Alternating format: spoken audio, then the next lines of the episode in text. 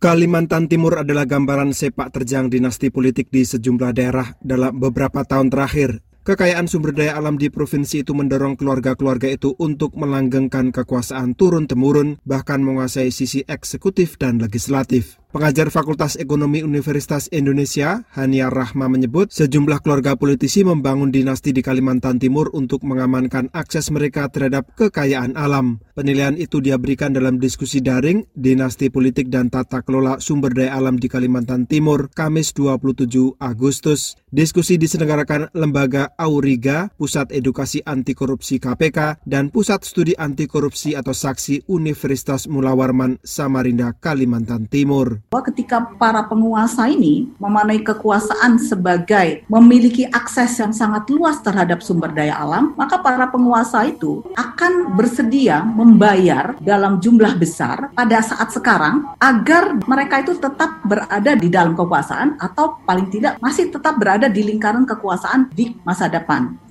Pengajar Fakultas Hukum Universitas Balikpapan, M. Nasir mengatakan dulu ada fenomena menjelang pilkada, yaitu obral perizinan di tingkat kabupaten. Izin-izin juga ini menjadi semacam kompensasi bagi mereka yang masuk ke dalam tim sukses, khususnya yang uh, menyokong modal bagi calon kepala daerah. Izin ini juga menjadi pintu bagi pola-pola korupsi.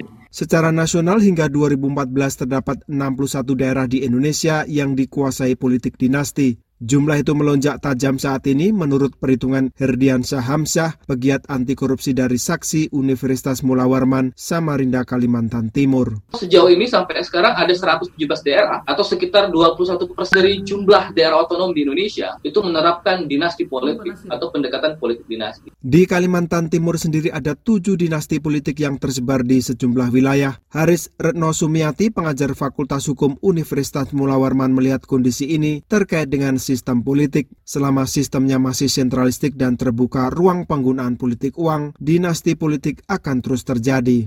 Setiap pemilu ada istilahnya kalau di prakteknya itu ada paket hemat amplopnya satu yang dipilih dari pemilihan DPR RI, DPR provinsi, DPR kabupaten kota itu berkeluarga tuh. Nur Hadi melaporkan untuk VOA Washington.